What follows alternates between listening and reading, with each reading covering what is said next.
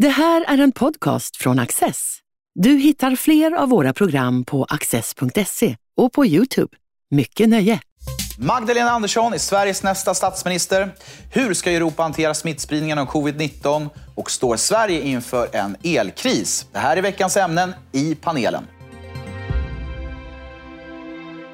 Torbjörn Elensky, du är författare och aktuell med en ny bok, Absolut text. Karin Svanberg Sjövall, du är liberal skribent och krönikör i Dagens Nyheter. Och Erik Hörstadius, du är journalist och nytillträdd redaktör på tidningen Fokus för samhälle och politikbevakning. Varmt välkomna alla tre, säger jag till er. För en liten stund sedan blev det klart. Socialdemokraternas Magdalena Andersson är nu Sveriges statsminister. Men vägen dit var inte självklar. Förhandlingarna med Vänsterpartiet var mer komplicerade än en del kanske trodde. Och frågan är hur stabilt Anderssons regeringsunderlag egentligen är. Karin Svanborg Sjövall, är det nu den riktiga dramatiken börjar? Ja och nej. Alltså på ett sätt så får man säga att det är någon slags ny ordning som har Eh, funnits i. Det är lite roligt därför att Stefan Löfven var ju den som skulle göra blockpolitikens död till sitt stora projekt. Och med Magdalena Andersson så känns det som att det på många sätt är blockpolitikens återuppståndelse som vi ser. Vänsterpartiet är nu helt klart framförhandlat eh, i ett så att säga, vänsteralternativ på den kanten. Och Sverigedemokraterna är fullt ut accepterade som en del av underlaget på, på högerkanten. Så på det sättet så har det blivit mera ordning. Men man kommer fortfarande inte från frågan att det verkar inte som att regeringens budget kommer komma på plats. Så det är väl ändå ett kvitto på att den här väldigt långa, mödosamma och för omvärlden ganska plågsamma processen med att hitta någon typ av, av form för hur politik ska föras i det här landet kommer att fortsätta ett, ett tag till. Det är ju lite av en ödets ironi om det är så att eh, regeringen nu ska faktiskt ägna hela sin valrörelse åt att förklara eh, varför de styr på en högerbudget. Ja, vad får det egentligen för praktiska konsekvenser, Erik? Ja, jag först vill, tycker att vi ska notera, det, det är historiskt datum 24 november eh, 2021. Att jag tror det här är den mest välmeriterade eh, statsministern vi har haft akademiskt någonsin i Sverige. Om jag inte missat någon kortlivad högerledare för drygt hundra år sedan. Så att det här är, jag att det här är en, en historisk dag för oss som gillar akademi och forskning. Sen så är det ju så att vi har ett ordinarie val om eh, mindre än ett år. Det finns ingen som helst intresse för att kasta in folket i ett extra val. Så de kommer, de kommer klara av det här på något sätt. Men det som är... Alltså jag tycker, jag vet inte vad ni jag tycker det är svårt att hänga med i de här svängarna. Nu ska alltså Magdalena eh, rea på troligen en borgerlig budget eftersom Centern inte kommer stötta den här budgeten. Annie Lööf eh, stöttar en statsminister. Hon har sagt att villkoret för att stötta, stötta det här alternativet är att de inte förhandlar med Vänsterpartiet. Men det har de nu gjort. Norsis stora seger, att få igenom eh, extra pengar till fattiga pensionärer kommer inte gå igenom troligen. Däremot kunde hon, hon har kunnat stå i tv och säga att vi står för, på fattigpensionärernas sida, vilket är en retorisk triumf och så vidare. Så att som medborgare och väljare är det lite svårt att sortera. Eh, eh, vem, vem vinner sakpolitiskt? Maktpolitiskt så klart att Magdalena kommer, kommer klara av det här fram till ordinarie val eftersom det inte finns ett hårt tryck på, på ett extraval. Men, men, men ehm, vems politik är det hon regerar på? Torbjörn? Jag tror också att det är historiskt för att jag tror att det här kommer innebära, hoppas kanske snarare i och för sig, en brytning med det här triangulerandet och fixandet och trixandet som jag tror många väljare har känt sig rätt störda på. Nooshi Dadgostar visar att man tjänar på, man vinner på att tro på någonting, att säga vad man tror på och att handla i enlighet med vad man tror på. Hon kommer garanterat att stärka Vänsterpartiet tror jag. Säkert på Socialdemokraternas, kanske även på en del andra partiers bekostnad. Och de andra måste inse att det går inte att hålla på och försöka trixa sig till makten. De stora förlorarna är väl Miljöpartiet, de är helt osynliggjorda. Centern blir i alla fall uppmärksammade. Liksom. Miljöpartiet de står bredvid och är tysta och nickar och säger ja, vi är nöjda. Ja, det är bra. Okej, okay. era väljare det. Vi får se. Tror ni det var enklare för Magdalena Andersson att gå med på Nooshi Dadgostars krav med tanke på att de förmodligen inte kommer att kunna genomföras då? Att hon inte får igenom sin budget? Det är precis den typen av ful grej som folk så småningom genomskådar. Så att säga, när det är läpparnas bekännelse. Eller så där. Det kan ju nästan slå tillbaka på Dalgostar också. Om man kan tänka sig att hon visste att ja, det här är ett slag i luften. Men det kan symboliskt vara viktigt. Alltså den pensionerna är faktiskt väldigt viktigt för att man bestämde så utifrån den här pensionsuppgörelsen 1994 som väldigt bred. Sverigedemokraterna var inte aktuella då, de var långt ifrån att vara ett riksdagsparti. Vänsterpartiet fick inte vara med, men de andra partierna eh, de bestämde sig för att det är skadligt för Sverige om det blir ett kattrakande om pensionerna i varje valrörelse. Det kommer att leda till överbud och det blir en hattighet och sådana saker. Och det handlar om långsiktig finansiering. Så då bestämde man sig, rätt eller fel, men att vi ska vara eniga när vi gör förändringar i pensionssystemet och det ska bygga på livsinkomstprincipen. Alltså pensionen ska avspegla uppskjuten lön och inte vara något allmänt bidrag till folk som det är mest synd om. Och så. Och det är klart att ehm, det Magdalena Andersson nu gör är att hon äventyrar den här uppgörelsen det kan möjligen bli, bli, bli gott argumentationsvirke för de borgerliga partierna att, att säga att hon är inte pålitlig och sådär. Men, men, men alltså, som, som ska säga, för samhällsekonomin på lång sikt så tror jag att det är möjligen är skadligt att man ändrar förutsättningar på det här sättet. Även om det inte kommer igenom så vet vi nu, från och med nu, så kommer alla valrörelser framöver möjligen handla om vem som är bjussigast mot pensionärerna. Och det, det kommer skada Sveriges långsiktiga ekonomiska utveckling tror jag. Han spelade ju ett väldigt högt spel, Norstedts men det var ju strategiskt oerhört begåvat tyckte jag att välja just det här. Det är ingen hemlighet att de vill, de vill ju spräcka pensionsgruppen. De vill ju inte ha den här bromsen i systemet överhuvudtaget. De vill ju ha fritt blås för ren vänsterpopulism.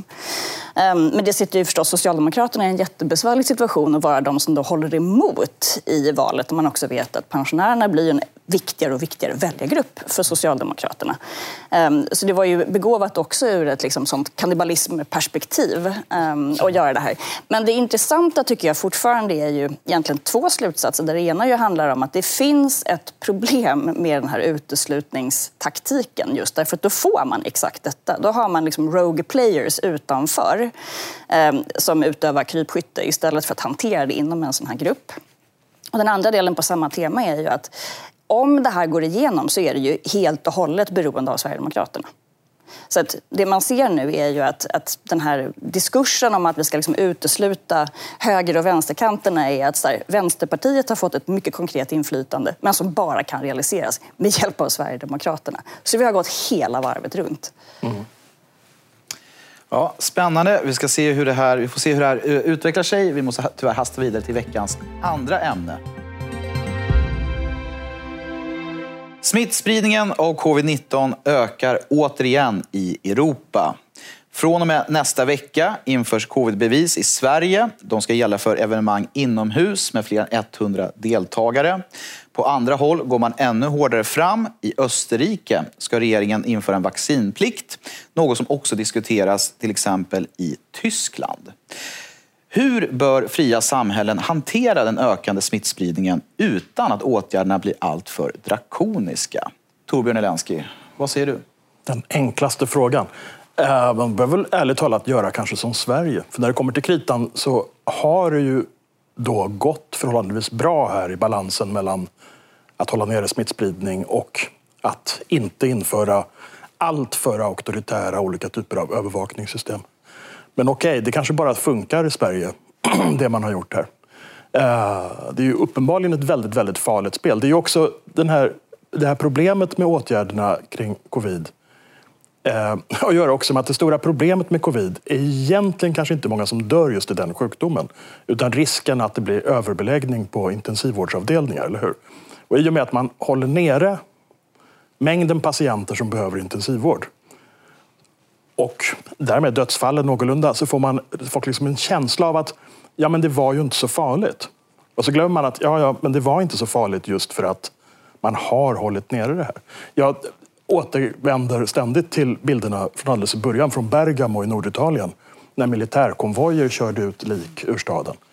Uh, och jag tror verkligen att det har funnits mycket stora risker som vi antagligen har duckat. Sen tror jag i och för sig också att det här auktoritära, den auktoritära risken när man börjar införa övervakning med hänvisning till allt ifrån terrorism till, till detta då och andra saker. Sexbrottslingar och så vidare. Man hela tiden med hänvisning till sånt som naturligtvis alla är emot inför mer och mer övervakning, mer och mer rättigheter och kontrollera internet, kontrollera folks rörelser. Jag var nyligen i Italien och åkte via Frankrike och var då tvungen att dels fylla i ett fullkomligt sanslöst papper för att komma in i Italien där det skulle stå vad det var för nummerplåt på bilen jag åkte med, exakt vilken adress jag skulle vara på. Det var som att åka till Kuba och åka dit nu. Sen kollade ingen på det i Italien, det var i och för sig skönt. I Frankrike var det till och med en app. Jag vet inte om den är obligatorisk, men jag uppfattade det så när jag läste på alla de här sidorna. Där man då registreras var man befinner sig och om man träffar någon eller i närheten av någon som har varit smittad. Kommer de att ta bort det sen eller kommer man att tycka liksom i all evighet att ja, men det är ju ganska praktiskt för ingen vill ju ha smitta. Den som har rent mjöl i påsen och så vidare. Karin?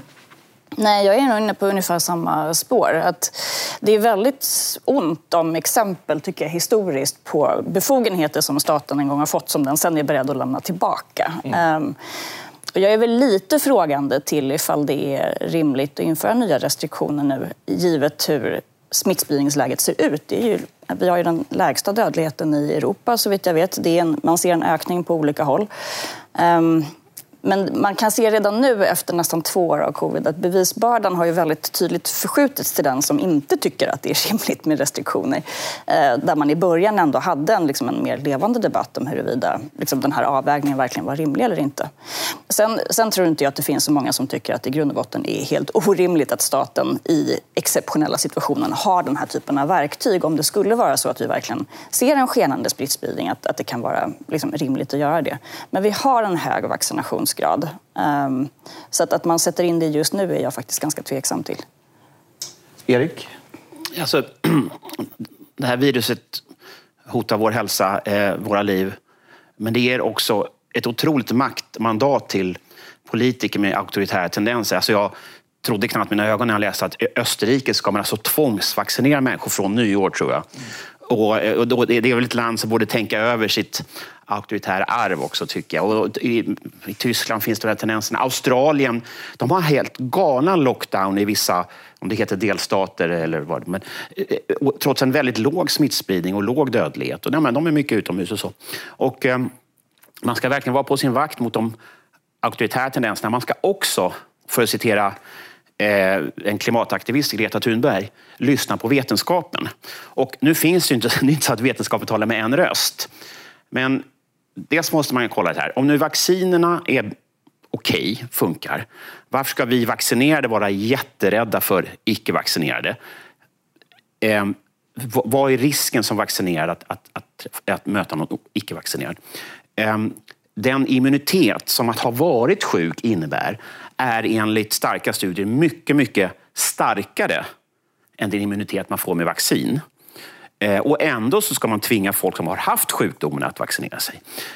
Sen handlar det här om kroppslig integritet. Om man tittar på svensk grundlag till exempel, det måste finnas eh, proportion mellan eh, vad eh, de här alltså olika ingrepp innebär, eh, sam, vilka här, risker man minskar och så.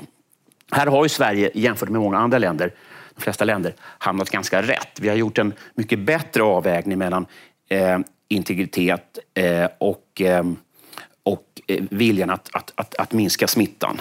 Men nu har vi det här covidpass för evenemang med mer än 100 deltagare. Det låter ju inte helt orimligt för vi, vi vill få igång ett vanligt liv. Men nästa steg så kanske man sänker gränsen 100 till, till 10. Eh, Moderaterna har ju ett, ett mer radikalt förslag också eh, om eh, vaccinpass och sådär. Så att jag tror att vi måste, vi måste värdera risken som också handlar om att många som faktiskt dör, eller blir väldigt sjuka, eh, har en massa andra sjuklighetsproblem eller är väldigt gamla. Och då måste vi kunna tänka, precis som när vi bygger motorvägar, hur, hur, alltså vad är, hur många extra miljarder ska vi ska vi lägga för att minska risken för att en dödsolycka händer här? Alltså, vi, vi, vi räknar ju på nytta och risker när det gäller människoliv. Det måste vi kunna göra här också. Om vi säljer ut integriteten, om vi säljer ut det fria livet, om vi skapar en arena för makthungriga politiker, då är vi inne på väldigt farliga vägar. Ehm, jag läste en eh, analys häromdagen om, om just fallet Tyskland. Där var det så att i början av pandemin då sa hälsoministern Jens Spahn att Nej, men det, kommer inte bli några, det kommer inte bli några eh, krav på att bära mask och sen tre veckor senare så blev det maskkrav. Nej, men, och sen så var det ett annat exempel att nej, men det kommer inte bli någon eh, vaccinplikt då. Och det, jag kan också förtydliga vad gäller vaccinplikten. Då är det alltså att de som inte väljer att vaccinera sig kommer alltså betala böter. Det kommer inte vara så att polisen kommer gå in i ens hem och liksom tvinga igen en spruta. Eh, men i alla fall, och, och det ansågs ju då liksom vara en konspirationsteori. Och nu är det förslaget, det kommer att införas i Österrike då, och det, det diskuteras allt mer i Tyskland. Kontentan då var i den här analysen att, att var, alltså varje gång säga, en regering säger att man inte ska genomföra någonting och sen genomför det så blir ju det så här, bränsle på elden till livsfarligt. Eh, konspirationsteorier. Vad är era tankar kring det? det? det? är livsfarligt och dessutom understryker det hur oerhört dumt det är att använda den typen av, eh, som har blivit ett skällsord, konspirationsteoretiker, foliehatt och så vidare, mot sånt som möjligen är fel, som kanske till och med är dumt och ibland helgalet, men som inte nödvändigtvis är det. Ett paradexempel i samband med covid är ju det här hur man alla samfälligt fördömde allt prat om att det kunde vara en labbläcka. När Trump sa det och så vidare. New York Times, alla DN, alla var emot det. Och sen plötsligt lite drygt ett år senare så kom man fram till att ja, det kanske, troligen, möjligen, inte säkert, men det kan vara en labbläcka. Och då är det så här, ja, då har vi glömt att alla de som tja, pratade om att det var en labbläcka i början av förra året betraktades som, som just foliehattar och knasbollar och så vidare på olika sätt. Samtidigt så är det ju så att alltså, ett virus spelar ju inte enligt några spelregler som man så säga, kan komma överens om gemensamt. Alltså, det är klart att det måste finnas en beredskap för staten att ändra sin strategi i takt med smittspridning och liksom så här, ja, egentligen hur verkligheten faktiskt ser ut. Så det, så det, det tycker inte jag är, är så konstigt. Däremot så, så, tycker jag att alla de exempel man ser ute i Europa nu där man verkligen tar till de här riktigt auktoritära åtgärderna. Och det är liksom, jag menar, I Österrike har man ju också sagt att ovaccinerade ska få betala för sin egen sjukvård eh, privat. Alltså så här, man, man, tar till liksom alla metoder man kan för, för att göra det riktigt, riktigt jobbigt att inte vaccinera sig. Och det är just att man ser ett ökat vaccinmotstånd generellt. Inte bara så att de som var emot blir väldigt mycket mer emot, att man göder någon slags motståndsidentitet, utan att jag tror att man generellt sett också eh, undergräver legitimiteten. Alltså frivilligheten tror jag är en grundbult. Ja, och sen, sen, är ju risken att en del av de här åtgärderna framstår som, eller till och med är, politikers vilja att visa handlingskraft. Mm. Och då blir det ju ännu lättare för så att säga, de man kallar populister att ta spjärn och gå åt andra hållet. Liksom. Man skapar en dynamik som är lätt att förutse effekten av, liksom, åtminstone kortsiktigt. Kort bara, jag ser liksom också en, en tendens att man, man talar så mycket om vaccinering och sådär. Och det finns ju mediciner som kommer fram och det är vissa kontroversiella, men nu finns det ju någon medicin som man menar drastiskt eh, minskar risken att bli väldigt sjuk och kan ganska snabbt ta bort sjukdomen. Och, eh, vi ska ju vara öppna för bra behandlingsmetoder mot eh, covid-19 och, och, då, då, blir det, då slipper man integritetsproblemet. Är du sjuk så, får du, så tar du det här pillret. Va? Eh, vi ska öppna de vägarna istället för den här stora masskontrollen av människor. Mm. För, eh, om vi pratar om Sverige nu, det är väl ungefär 20 procent som inte har tagit någon typ av spruta överhuvudtaget. Eh, om det nu är så att vi får nya mutationer, den här liksom pandemin, den klingar inte av helt enkelt och vi inte ska använda drakoniska åtgärder, vad återstår då? Ja, du nämnde ju nyss... Då. Man kan tänka på det som normal sån här säsongsinfluensa. Den tar också liv. Dödligheten är nu på sådana nivåer att det inte skiljer sig speciellt, alltså det, det skiljer sig inte speciellt mycket från eh, vanlig säsongsinfluensa. Vi måste kunna leva med döden. På något Fast det blir ju, återigen, det blir ju många, många fler som hamnar på IVA. Eller hur? Intensivvård på grund av covid. Det är ju problemet skulle jag säga. Frågan är om det är lika många just på grund av att vi ändå har den här höga vaccinationsgraden. Ja, ja. det, det kanske, för, att, för jag tror att så här, dödligheten den är nog i paritet med en, åtminstone en mer allvarlig säsongsinfluensa. Men däremot så länge, så länge vi har en generellt sett hög vaccinationsgrad eller till många som har fått, alltså vi har någon typ av flockimmunitet därför att så många har fått det redan, så, så kommer nog belastningen på akuten och, eller på intensiven att vara, att vara hanterlig.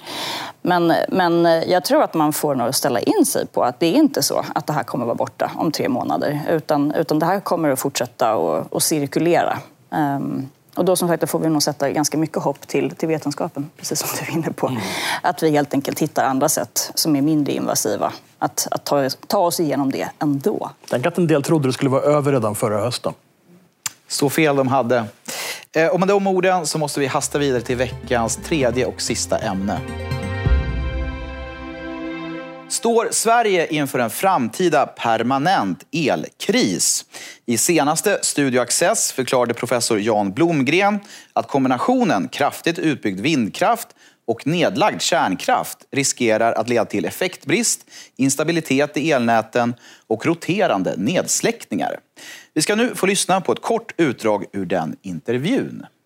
Jag har mycket svårt att tro att de stora elektrifieringsplanerna i norra Sverige kommer att bli av i den utsträckning som de har presenterats. Därför att de kräver sån enorm tillväxt vad det gäller elanvändningen att om man gör den Ja, till att börja med, man får lov att bygga vindkraft i stort sett hela Sveriges yta för att ens få till det här. Det kommer inte att gå att bygga ett stabilt elnät på det. Och du kommer också hamna i situationen att du har väldigt mycket billig el vissa dagar och du kommer ha enorma priser de dagar vindkraftsparken står stilla. Så, Erik Hörstadius, är den svenska energipolitiken ohållbar? Ja, alltså det finns ju en idé i, i, i hela världen egentligen att man ska få ner eh, användandet av fossila bränslen, och, alltså kol, olja, naturgas och sådär. Och då, då ställer sig allt fler frågan, eh, vi kan ju inte bara vara beroende av vind och sol och vatten, för vattenkraften är på många ställen, inte minst i Sverige, väldigt väl utbyggd. Och som alla vet, vind och sol är inte pålitliga leverantörer av el eftersom solen inte alltid skiner och det blåser inte alltid. Och, sådär. och så har man då, eh, bland annat efter den här olyckan, kärnkraftsolyckan i Japan 2011, Fukushima eller något sånt där, så ställt strängare krav på kärnkraftssäkerhet, lagt ner många kärnkraftverk och sådär. Tyskland har ju bestämt sig för att sluta med kärnkraft och sådär. Men var ska vi ta elen?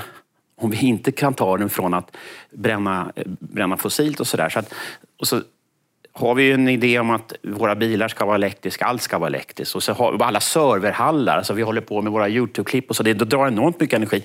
Bitcoin drar som ett mindre land i, det, det är lite konstigt, men den här valutan bitcoin drar en otrolig massa el.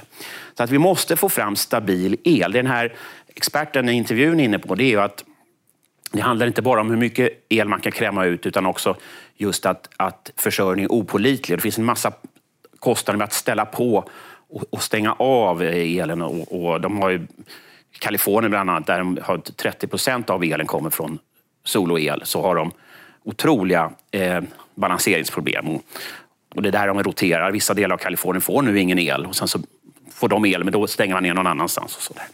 Så att, eh, jag förstår inte hur man ska lösa det här. Om man vill få ner fossilbränningen, ha en ökande eh, elkonsumtion och inte bygga ut kärnkraften. Då säger man då att kärnkraften är för dyr, marknaden säger att den är för dyr. Men det, det handlar inte om det. Om, om kärnkraften skulle garanteras av, av politikerna som en långsiktig lösning och man skulle dra ner de mest absurda säkerhetskraven som kom efter Fukushima så kommer kärnkraften att vara ekonomiskt eh, förnuftig. Karin? Alltså om man lägger ihop den svenska energipolitiken med den svenska klimatpolitiken som man införde miljöbalken i alla fall så skulle jag säga att man i praktiken har formulerat en, liksom, en chockdoktrin eh, som vi nu börjar se liksom, de faktiska konsekvenserna av. Man, man tar liksom bort stora klumpar av det som är planerbar el, kärnkraft, vattenkraft eh, och hoppas på något sätt att det här magiska lösa sig. Vi har ju inte en omställning som pågår just nu därför att ingen verkar så, liksom, vara särskilt intresserad av vad som händer mellan det som är idag till det som ska komma. Det är ingen omställning alls, utan det är någon slags liksom, chock som pågår. Jag läste om eh, SSAB ska göra något slags projekt tillsammans med två andra större företag uppe i, i norr där de ska bygga en ljusbågsugn. Tanken med det här är att det kommer få ner utsläppen enormt mycket på lite sikt. Då är problemet ett, att de ska få tillstånd för att göra detta. Det har tagit flera år, det har överklagats. Till slut har de fått det, då överklagar Naturvårdsverket igen. Varför? Jo, därför att de inte är tillräckligt intresserade av, av energieffektivisering. Eftersom den här ljusbågsugnen då kommer att drar väldigt mycket el. Sen har vi nästa problem med att de, för att kunna få dit elen eh, till en början så måste de bygga liksom, ett nytt kraftnät. Det behöver också in i tillståndsprocessen. Så, att, så att man har ju på alla sätt bakbundit alla möjligheter att faktiskt kunna genomföra den här omställningen. Och jag är ganska överraskad över att folk inte är, är faktiskt mer upprörda över det vi ser just nu. För det känns som ett, liksom, som ett baskrav i en civilisation att man kan lita på att liksom, tänder jag lampan så kommer det börja lysa. Mm. Um, och jag tror att det vi ser just nu, och det man redan ser på landsbygden på många håll, är ju att man kan inte lita på det längre. Och när det här går upp för folk så tror jag att det kommer att skapa ganska kraftiga reaktioner. Vägen till energihelvetet är kantad med goda föresatser, eller vad säger du Torbjörn? Ja, och sen dessutom med eh, illusioner. För att jag tror att det här, man måste ta sig ur den här illusionen att batterier och, och el från vindkraft nödvändigtvis är så himla rent. El, eh, vindkraftverk kräver ju fruktansvärda mängder cement, stål, inte minst, plast och så de här berömda sällsynta jordartsmetallerna som dessutom ingår i alla våra nya tekniska prylar och som EU-länderna till 98 procent importerar från Kina. Vi måste få in det geopolitiska också, för det är hela tiden så som att vi antingen är beroende av Putin för gas eller Erdogan eller då också obönhörligen av Kina för jordartsmetaller. Frågan är om man vill ha batteridrift och saker och ting och det ska vara rent och så, då kanske man måste börja bryta såna här, eller utvinna såna här jordartsmetaller i Sverige. Så vilka är beredda att se sådana stora gruvor till Vätterns stränder eller i Roslagen och så vidare. En intressant ironi med det är att de flesta av de här jordartsmetallerna är upptäckta i Sverige, i Ytterby utanför Vaxholm. Så att vi har ju ett särskilt band till dem dessutom. Men jag tror att, att inbilla sig att det finns ren elkraft är totalt fel. Det är en farlig illusion. Kärnkraften lider ju av det här att den har framställts som väldigt farlig. Det har varit ett antal förfärliga olyckor. Framförallt tre stora, eller hur? Nästan inga döda om man... Om man Nej. Eh, alltså, Men tacksamma att dramatisera från the China syndrome via olika andra filmer och grejer och sånt där. Jag kommer inte på fler filmer bara för det. Men, men, men, men eh, det finns ju ingen som har skrivit, gjort en dramatisk film, som jag vet i alla fall, än så länge, som handlar om hur hundra förfärliga vindkraftverk i Kalifornien som man kan åka förbi där och se. Det är så fult så det är inte, det är inte verkligt alltså. Hur de, det blir en katastrof liksom. Däremot, ja, du är verkligen in på något viktigt ord med det här att, att mycket av det som, vi, som folk köper en elbil och sådana saker. Eh, jag tror var Volvo Cars kom med någon analys nyligen. Som, så, det, det, det, om man tittar på, på hela produktions och alltså cykeln för användning av en elbil så är inte speciellt mycket grönare och mindre fossilavgivande än, än, än, än en vanlig bil. Som ju numera drar mycket mindre bränsle och sådär. Men det är, för att det är tillverkning och sen är det ta hand, destruera delarna när... när, ja. när... Och de återvinns inte. Tydligen kan man återvinna såna här äh, sällsynta jordartsmetaller. Men vad jag förstår så görs inte det. Än i alla fall. Och återigen, jag vill upprepa igen, det här det geopolitiska hänsynen måste man ha med i beräkningen. EUs självförsörjning av de här kritiska basmetallerna ligger på 20 procent. Är det på 20? Jag för att det var nere på 2 procent. Men okej, okay, vi kanske... Jag, okay, jag har sett 20. Men alltså, man skulle ju kunna göra väldigt mycket om man Då är det återvinning Men vi har, också. Inte, vi har inte tillåtit ett enda gruvprojekt Nej. sedan miljöbalken infördes. Inte ett enda. Och det kommer inte att gå. Sen så ska vi ju ställa oss frågan, tycker jag, eh, alltså hur... Alltså om vi tittar nyktert på hur farligt är det att bränna lite kol, och olja och naturgas eh, utifrån om jorden blir lite varmare.